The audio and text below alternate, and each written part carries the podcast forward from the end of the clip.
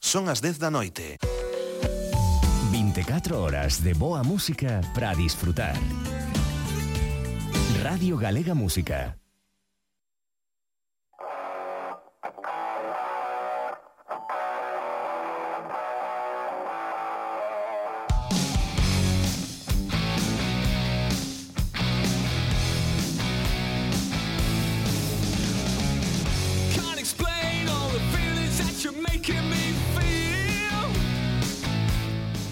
esta banda que está a soar, coa que abrimos o programa de hoxe, chamada de Darkness, é algo moi moi curioso.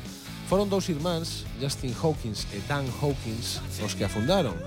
A eles encantáballes o rock and roll dende pequenos, aprenderon a tocar a guitarra e convertéronse en guitarristas eh, verdadeiramente excepcionais. E falo en serio, eh? se buscades vídeos de concertos de, de Darkness en YouTube, veredes que son dous músicos impresionantes os seus principais referentes sempre foron Queen, especialmente Brian May como guitarrista e Freddie Mercury como cantante e compositor, pero tamén outros artistas como David Bowie, Slade e mesmo Genesis.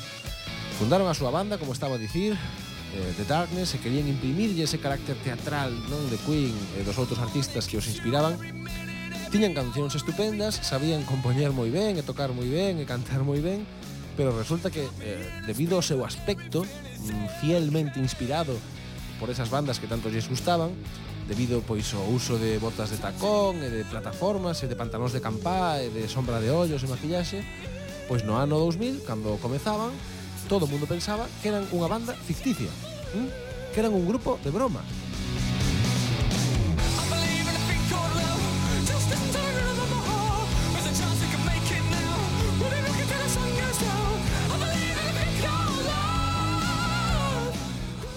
nunha entrevista no ano 2021 o, o presidente de Capital Records no Reino Unido dixo a industria musical no seu conxunto pensou que non molaban. De feito, a xente dicía que eran unha broma e que non eran reais. E isto é certo, eh? foi así como sucedeu, como conta este home.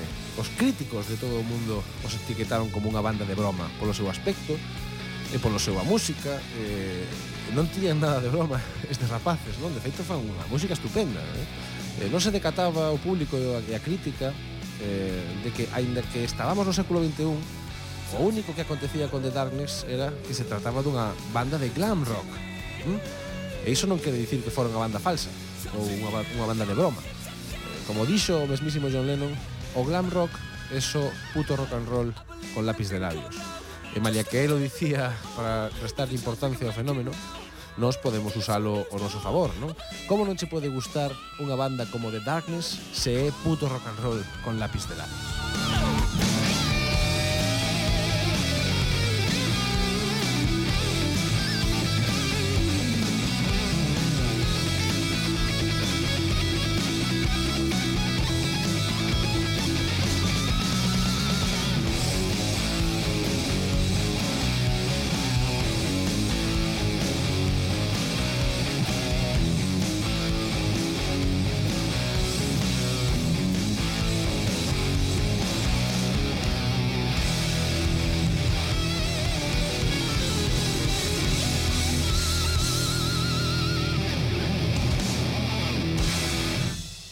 O programa de hoxe está dedicado, en efecto, aos inicios do glam rock.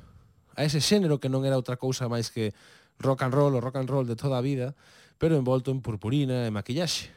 Imos falar de como naceu ese fenómeno, de quen lle deu vida, das causas da súa aparición, como unha especie de revival non do, do rock dos anos 50 e comezos dos 60 e tamén de como se desenrolou ese xénero no tempo. E por suposto, imos eh, espolvorear todo o relato coa mellor música glam, non? porque malia que moitos pensaron que eran bandas de broma, a nós parecenos que o glam rock é do mellor rock and roll que se fixo en todo o século XX. Así que hoxe a cousa vai de sombras de ollos, de longas cabeleiras, de rímel, de purpurina e tamén de amplificadores a toda a potencia. Quedade con nós porque hoxe o programa está cheo de glamour.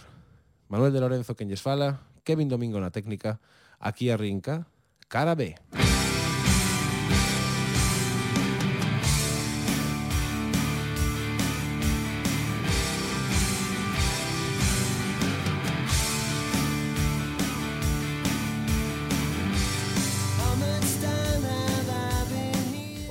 temos que ter en conta é que no que se refire ao aspecto pura, puramente musical, o glam rock foi unha reacción aos estilos que o precederon, que se cadra eran demasiado recargados, e de aí que o glam apostase pola simplicidade. Eh, pensade que o rock británico neses anos estaba a evolucionar cara a niveis de erudición instrumental que atopaban a súa inspiración en elementos tan variados como a psicodelia, no caso de Pink Floyd, a música culta, propia da discografía de, de Genesis, ou a música árabe, tamén hindú, que era unha das principais influencias dos últimos Led Zeppelin.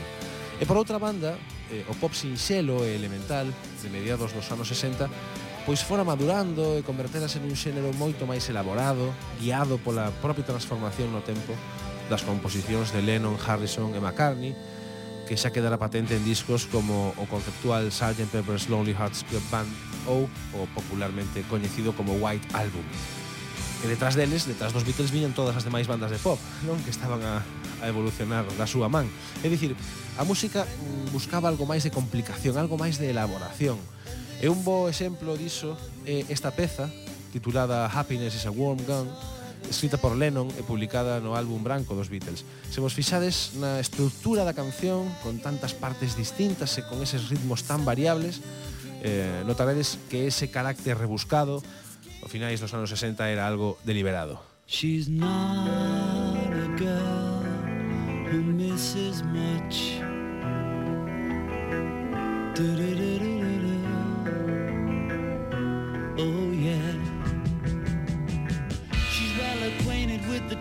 Touch the velvet hand like a lizard on a window pane. The man in the crowd with the multicolored mirrors on his hobnail boots. Lying with his eyes while his hands are busy working overtime.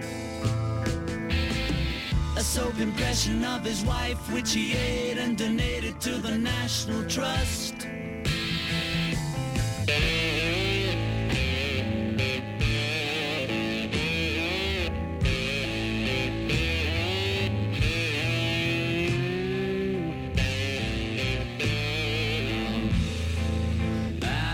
Need a fix cause I'm going down, down to the bits that I left uptown. I need a fix cause I'm going down. Mother Superior jumped the gun. Mother Superior jumped the gun. Mother Superior jumped the gun. Mother Superior jumped the gun. Superior jumped the gun. Mother Superior jumped the gun.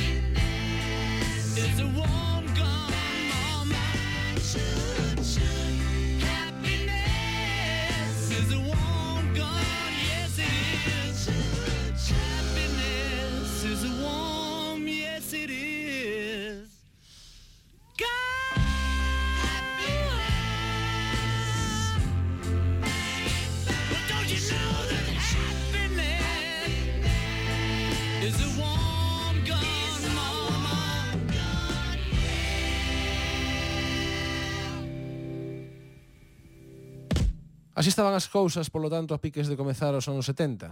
Sen embargo, no fondo, eh, o gusto polo sinxelo, digamos que permanecía, non?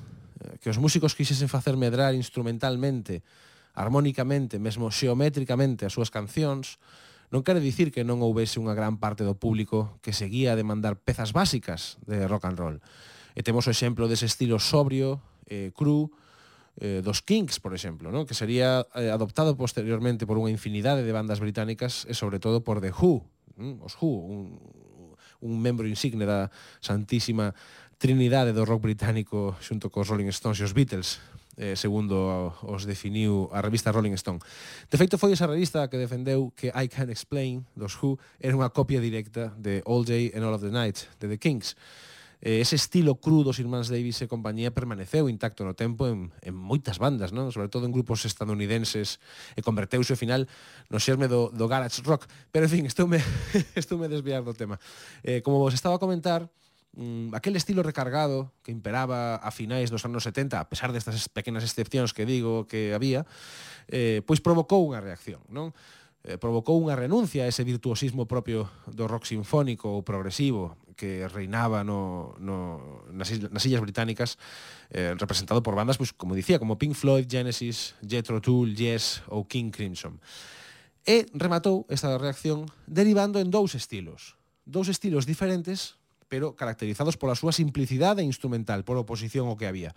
Eses dous estilos eran o punk e o glam. Dos estilos que ademais recibiron unha especie de influencia estilística básica por parte de, de Velvet Underground, a banda liderada por Lou Reed e por John Cale, eh, porque o punk tiña eh, de feito como orixe a publicación do primeiro álbum dos Stooges, non? Eh, de, de, de Iggy Pop, producido polo propio John Cale, que lles proporcionou un son moi concreto e recoñecible. E o glam, que tamén se baseaba na ausencia de recursos eh, estilísticos por oposición a aquel elaboradísimo rock contemporáneo, adoptaba a estética de, das superstars, non era o nome polo que eran eh, coñecidas as persoas que formaban o séquito de Andy Warhol, non? Candy Darling, Ultraviolet, Nico, en fin.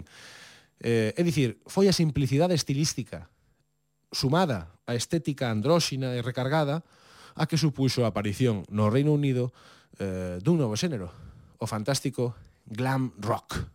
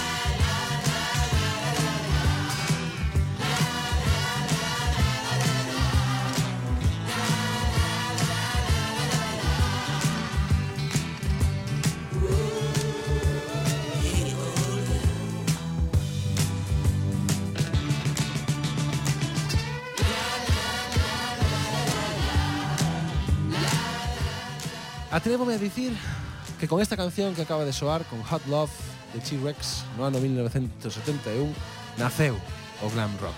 Eh? Atrévome a dicilo, bueno, atrévome a dicilo que digo, no, estou no a dicir.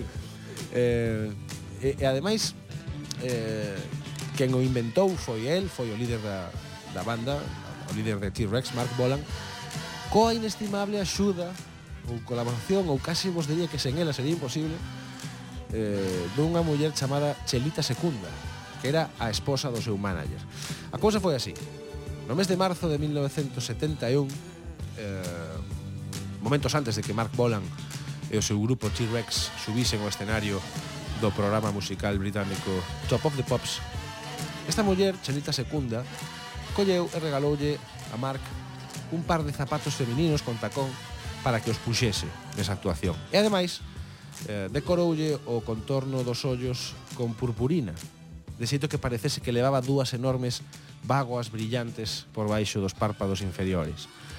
Esa noite, T-Rex saíron ao escenario e interpretaron o seu single, Hot Love, con Mark Bolan subido aos seus zapatos de tacón e cos ollos pintados, e a canción converteuse inmediatamente nun éxito. Eh? Alcanzou o número un das listas de vendas e permaneceu nela, nelas perdón, durante seis semanas. Ou seja, a banda pasou de gozar dunha tímida fama como grupo de folk a converterse na bandeira dun novo xénero musical. Mm? É dicir, independentemente do que se conte nos relatos oficiais, a realidade é que eh, Chelita Secunda, ademais de ter un nome inesquecible, eh, foi quen inventou o glam, non? Dándolle eses zapatos de tacón e esa purpurina a Mark Bolan. Un xénero que non era outra cousa que iso, o rock clásico dos anos 50 combinado coas melodías pop dos anos 60 e reforzado cun son moi marcado de guitarra eléctrica e riffs moi contundentes e repetitivos, pero a iso había que sumarlle unha estética moi concreta que consistía, como dicíamos, nun exceso de maquillaxe, avelorios, plataformas, peiteados estrambóticos e unha actitude eh, orgullosa do seu aspecto andróxino, non? Desa ambigüedade sexual das súas letras eh, e do seu hedonismo. Era aparentemente o matrimonio perfecto entre o avant-garde, o rock and roll e o cabaret, malia que en realidade aquelas estrelas eh, do rock cubertas de purpurina que invadían as listas de éxitos británicas na primeira metade dos anos 70 non eran máis que os mozos roqueiros de sempre, eh, pero agora infundados en roupas máis habituais dos armarios dunha muller. Ou seja, o rock and roll de toda a vida, pero con lápiz de labios, como dicía John Lennon.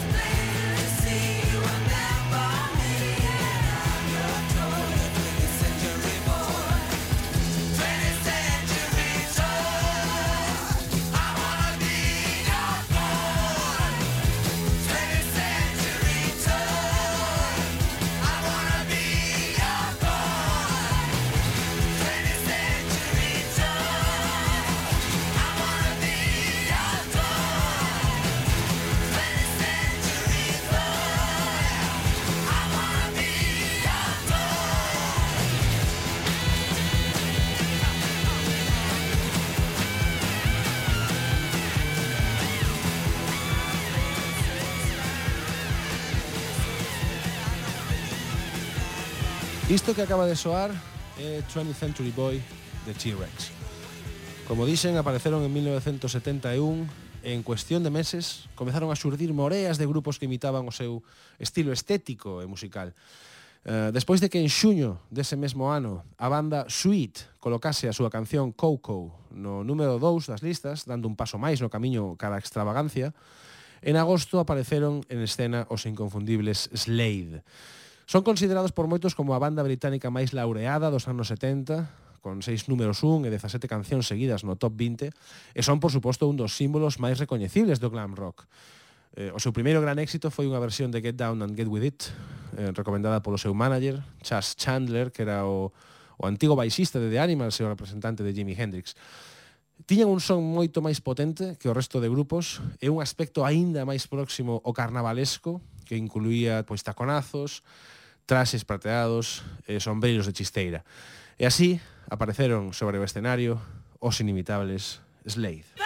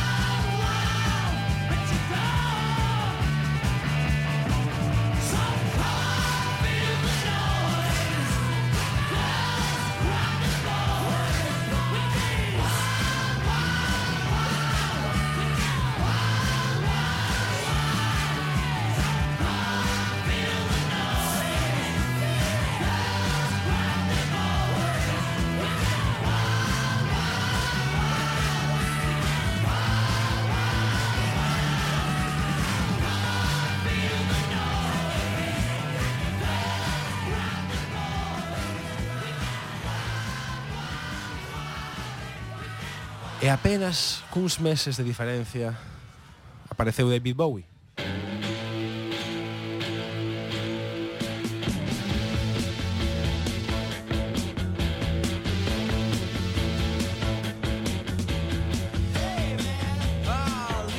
O certo é que ata ese momento, ata 1972, o Duque Branco só conseguira certa reputación como compositor grazas a Space Oddity, pero distaba moitísimo de ser unha estrela do rock, eh? de ser un músico coñecido.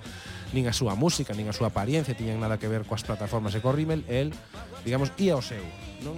Pero en febreiro dese mesmo ano, xa transformado no andróxino Ziggy Stardust, comezou unha xira por todo o Reino Unido e mesmo por Estados Unidos e Xapón, xunto a The Spiders from Mars, que era a súa banda de apoio, e esa xira converteu nun auténtico fenómeno de masas. En abril saiu ao mercado o single Starman e en xuño o álbum The Rise and Fall of Ziggy Stardust and the Spiders from Mars, que entrou inmediatamente nas listas de vendas onde permanece, permanecería dous anos seguidos. Dous anos seguidos. ¿no? Foi tal o éxito cultivado que os discos Hanky Dory e The Man Who Sold the World, que eran os discos anteriores, foron relanzados e as súas vendas alcanzaron cotas inimaginables. Nesa mesma época, Bowie tamén coproduciu o disco doutro dos grandes roqueiros que remataron rendéndose o lápiz de ollos, como era o ex líder de The Velvet Underground, Lou Reed, Estuvo a falar do álbum Transformer, non? un dos discos imprescindibles da historia da música, eh, que contén ademais dúas das cancións máis, máis coñecidas e emblemáticas do neoyorquino como son Walk on the White Side e eh, Perfect Day. E igualmente, nesa época, Bowie cedeu a canción All the Young Dudes a outro dos grupos glam do momento que eran Mott the Hoople, os que imos escoitar xusto agora, pero eh, o certo é que despois dese álbum de 1973, Aladdin Sane, David Bowie decidiu abandonar a senda da purpurina e poñer fin a Ziggy Stardust e a súa etapa glam, temendo se cadra ser absorbido polo personaxe.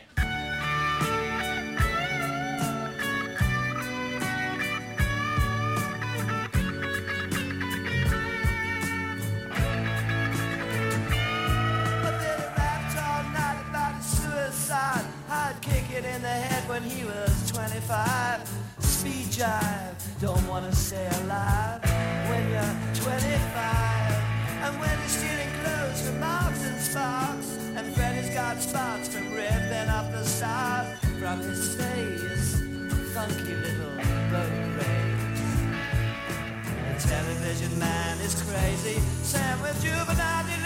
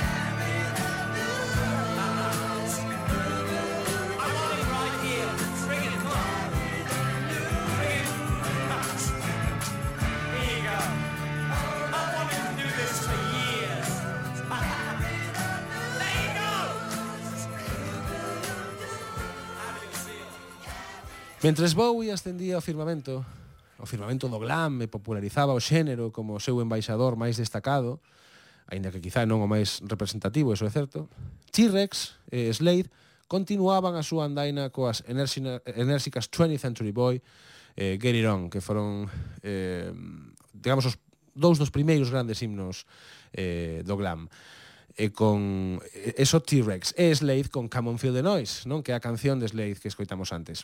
A medida que o rock and roll con lápis de labios ia se estendendo, entón, os sectores máis conservadores da sociedade británica comezaban a sinalar a esta nova xeración de grupos de música como responsables das perversións sexuais da mocidade, non? Sempre pasa un pouco mesmo, non? Sempre pasa un pouco mesmo. Os, os sectores eh, máis rancios sempre acusan as novas tendencias musicais de ser os causantes de algún tipo de perversión sexual. É algo, é algo que se repite ao longo da historia.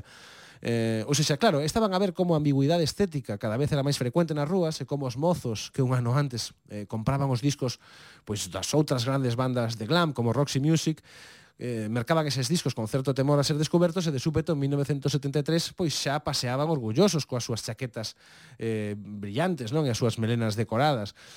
Para entón, o leitmotiv do glam xa deixara de ser o, a reacción, o recitamento da eh, grandilocuencia do rock sinfónico e desplazárase definitivamente cara aos principios que inspiraban o modo de vida dos seus discípulos, non como a liberdade sexual, o travestismo, a procura do placer e o gusto polo excesivo. Centos de mozos fixeran do glam a súa forma de enfrontarse ao puritanismo da bella Inglaterra era o seu particular Summer of Love, non? Sen embargo, o, verda, o verdadeiro acontecemento musical estaba ainda por chegar. En xullo de 1973, e como vedes, aínda pasaron só dous anos dende que apareceu o glam, apareceu unha nova estrela, unha nova estrela que asaltaba o número un das listas de vendas co seu single I Am the Leader of the Gang, I Am. Estou a falar de Gary Glitter.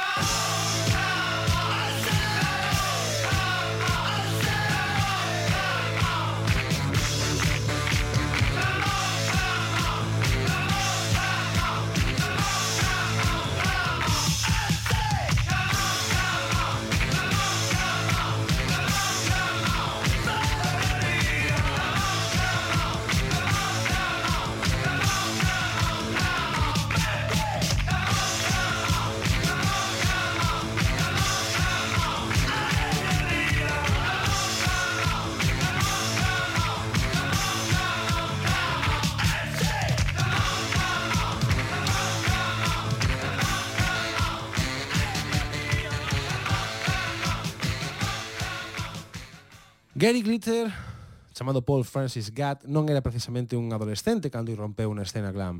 Tiña xa 29 anos. Eh? Gravara o seu primeiro disco en 1960, antes cos Beatles.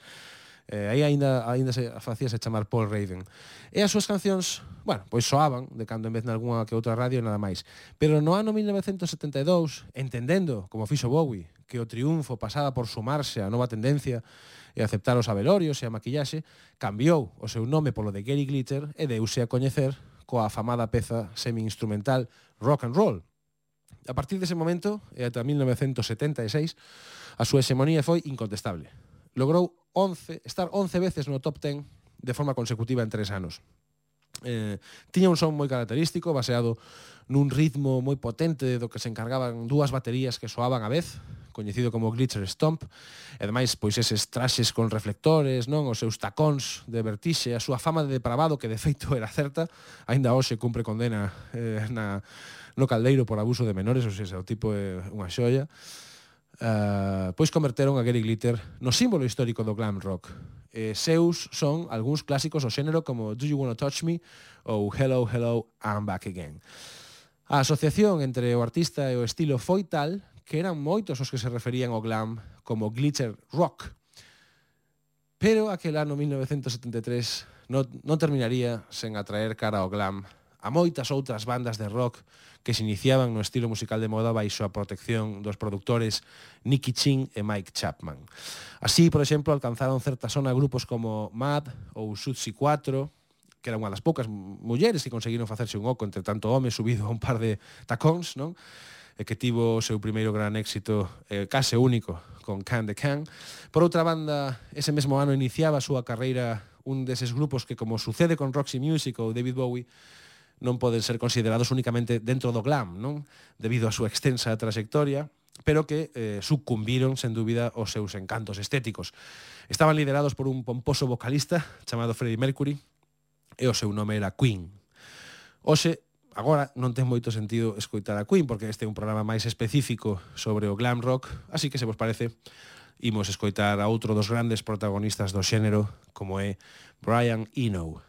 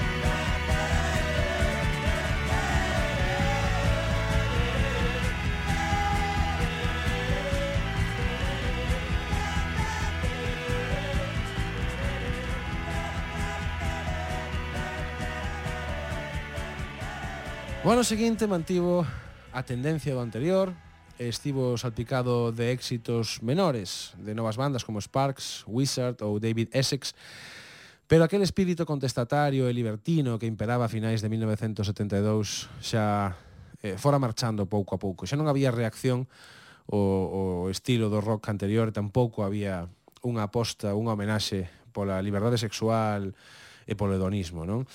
Eh, ademais, a estética do glam rock tamén comezaba a desaparecer, solapada por outros estilos como o do punk ou o da música disco, e na mentres, pois Slade continuaban asinando algunhas das mellores cancións do momento, aínda que cunha enerxía moito máis con, máis contida, como sucedía eh, con Far Far Away, por exemplo. Tamén David Bowie facía a súa derradeira e secadra contribución ao xénero con Rebel Rebel. Gary Glitter parecía tamén despedirse cun melancólico e profético Remember Me This Way E Mark Bolan, ben, pois tentaba manter con vida eh, a criatura, o glam rock, repetindo esa fórmula de sempre de cancións eh, musicalmente baseadas no rock and roll dos anos 50, pero con esa estética andróxina, cada vez que se subía a un escenario. Eh, finalmente, podríamos decir que en 1975, ou sexa 4 anos despois de aparecer, o glam rock desapareceu.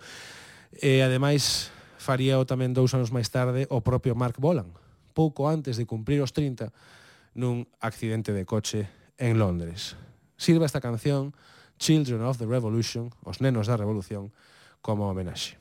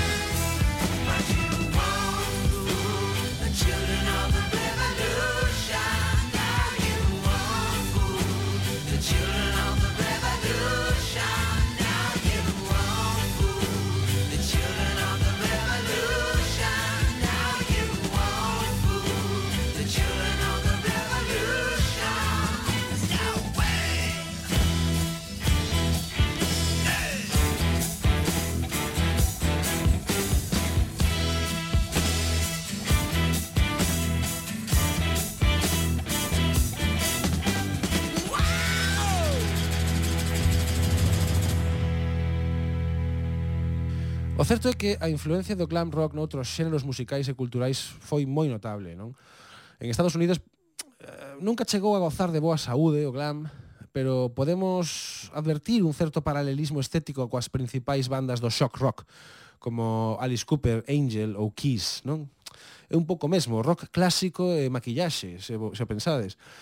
Um, do mesmo xeito, a evolución eh, deste estilo mediante a incorporación de estructuras e sons do heavy metal derivou na década dos 80 no nacemento do chamado hair metal ou glam metal, eh, que tiña como principais exponentes pois a Poison ou a Europe.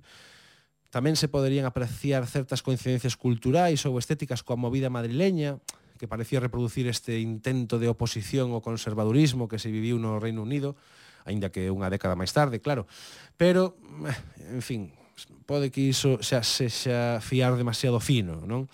O glam, ao final, como estilo musical e como exemplo de contracultura, non pode ser extrapolado a outro lugar nin a outro tempo. Incluso se falamos de grupos como The Darkness, cos que abríamos este programa, ou Maneskin, os gañadores de Eurovisión en 2021, resulta evidente que non son grupos de broma, son bandas que pois coa súa música, co seu estilo, eh, renden tributo ao glam, pero é certo que non ten moito sentido tentar comprender o glam eh, fora do seu contexto histórico e social e, e cultural, nin buscar tampouco lazos estreitos con outros movimentos similares noutras épocas, non? Sinceramente, eh, o glam foi a conxunción dunha tendencia estética e unha serie de inquietudes culturais e artísticas e tamén de valores morais que se converteron nos anos 70 nun movimento único e seguramente irrepetible.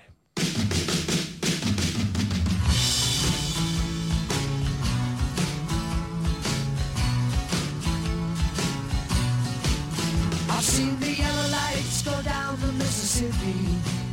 I've seen the bridges of the world and they're for real. I've had a red light on the wrist without me even getting kissed. It still seems so unreal. I've seen the morning in the mountains of Alaska.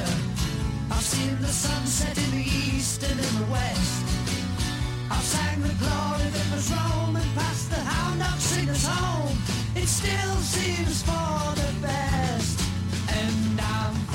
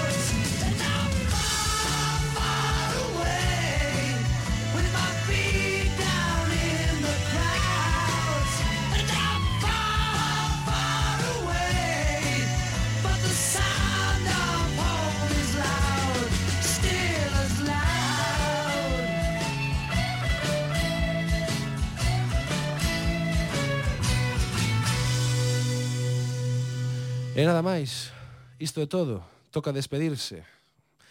Así que damos aquí por rematado o programa de hoxe, no que, como sempre, pois tentamos dar importancia a eses outros relatos que acontecen na parte de atrás da historia da música e que dan forma ás lendas musicais. Historias e relatos que, como sempre, nos ofrecen unha cara pouco coñecida da música e dos seus protagonistas, a cara da que non se adoita a falar, a cara B dos feitos cos que se construíron os mitos do rock e o pop. Espero que a disfrutarades tanto como a nós e que a vindeira semana regresedes connosco a este outro lado oculto da música. Agardamos por todos vos na nosa e, polo tanto, na vosa cara B. Coidadevos moito.